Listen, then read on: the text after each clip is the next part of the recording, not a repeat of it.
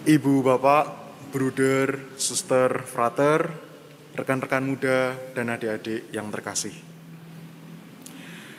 Setelah menerima warisan Ekaristi dan teladan pembasuhan kaki, kita memasuki hari kedua Trihari Suci, Triduum kita bersama.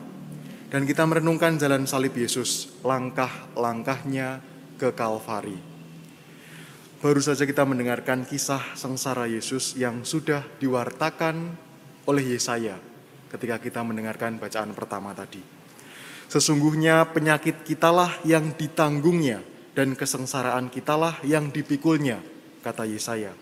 Sesungguhnya ia tertikam oleh karena kedurhakaan kita, dia diremukkan oleh karena kejahatan kita.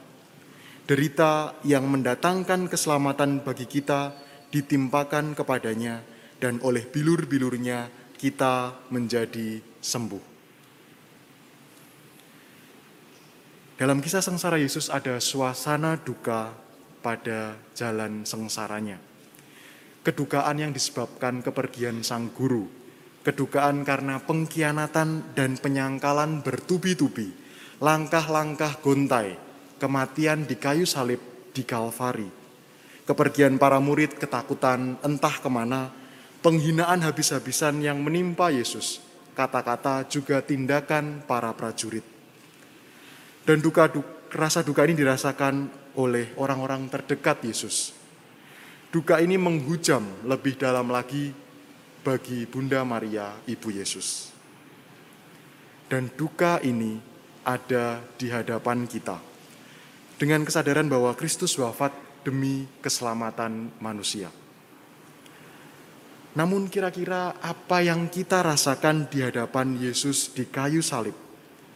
Yang terpaku di sana memberikan diri habis-habisan.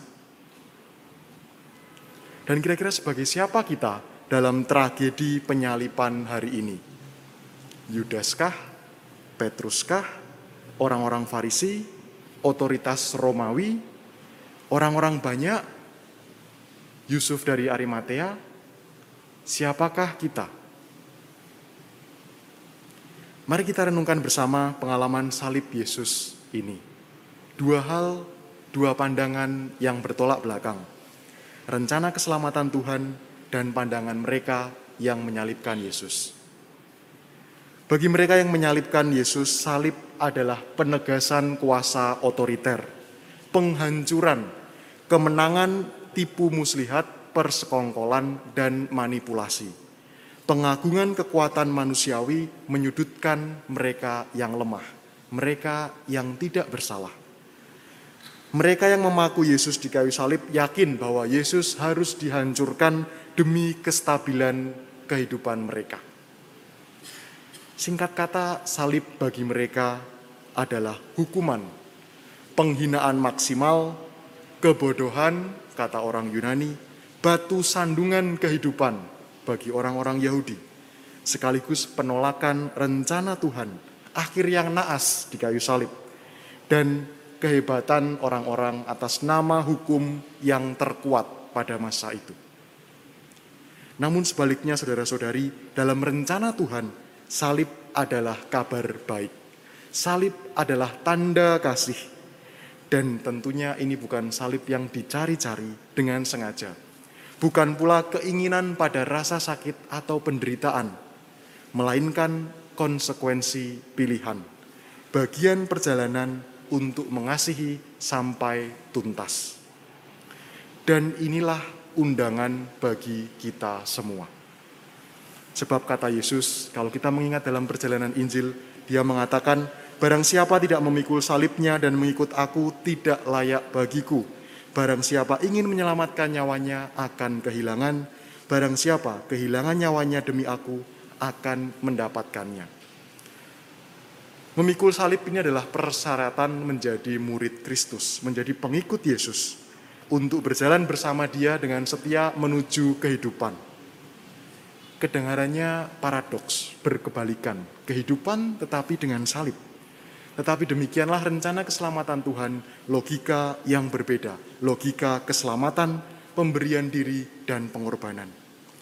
Maka mari kita memahaminya dan merenungkannya dalam peziarahan hidup kita sebagai orang beriman sehari-hari. Bapak Ibu, rekan-rekan muda, saudara-saudari, pada salib kita memandang kasih yang menyelamatkan. Bukanlah rasa sakit dan penderitaan yang kemudian menebus atau membebaskan, melainkan kasih Yesus di salib yang selalu mengarah kepada kehidupan. Namun dalam perjalanan tanpa ragu kita pun siap menghadapi rasa sakit, penderitaan, bahkan tidak dipahami sekitar kita. Dan Yesus wafat di salib bukan untuk mengagungkan penderitaan, melainkan mengasihi dengan total, memberikan cintanya sampai berani terluka. Dan inilah kasih Kristiani yang membebaskan, memanusiakan, dan menyelamatkan kita. Karena itu, ketika kita memandang salib Yesus, kita pun berani memohon kekuatan, keteguhan iman dan harapan di tengah gelap penderitaan. Salib Kristus inilah, saudara-saudari, cinta yang lebih kuat dari maut. Sebab pada akhirnya yang terkuat bukanlah mereka yang paling banyak menghancurkan, mendominasi, meniadakan sesamanya, melainkan pribadi yang paling sanggup mengasihi dan paling sanggup memberikan kehidupan lebih banyak bagi sesamanya. Di sanalah justru semakin dikenali Tuhan yang dinyatakan dalam pemberian diri Tuhan yang menyatakan dirinya lewat Yesus di kayu salib. Inilah identitas Kristiani kita. Maka bersama-sama pada kesempatan siang hari ini ketika kita menghormati salib, mari kita merenungkan sungguh-sungguh apa yang kita lakukan sebagai orang Kristiani. Kita sedang mengatakan ya pada rencana keselamatan Tuhan lewat Yesus, sekaligus mengatakan ya bahwa jalan keselamatan manusia adalah pilihan pelayanan, pilihan mengasihi, dan pemberian total.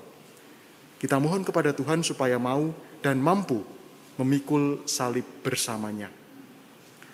Maka marilah bersama-sama Bapak Ibu, Bruder, Suster, Frater, rekan-rekan muda dan adik-adik, kita mengimani salib sebagai sumber keselamatan, kita memandangnya, merenungkannya, dan pada penghormatan salib hari ini, sembari bertanya,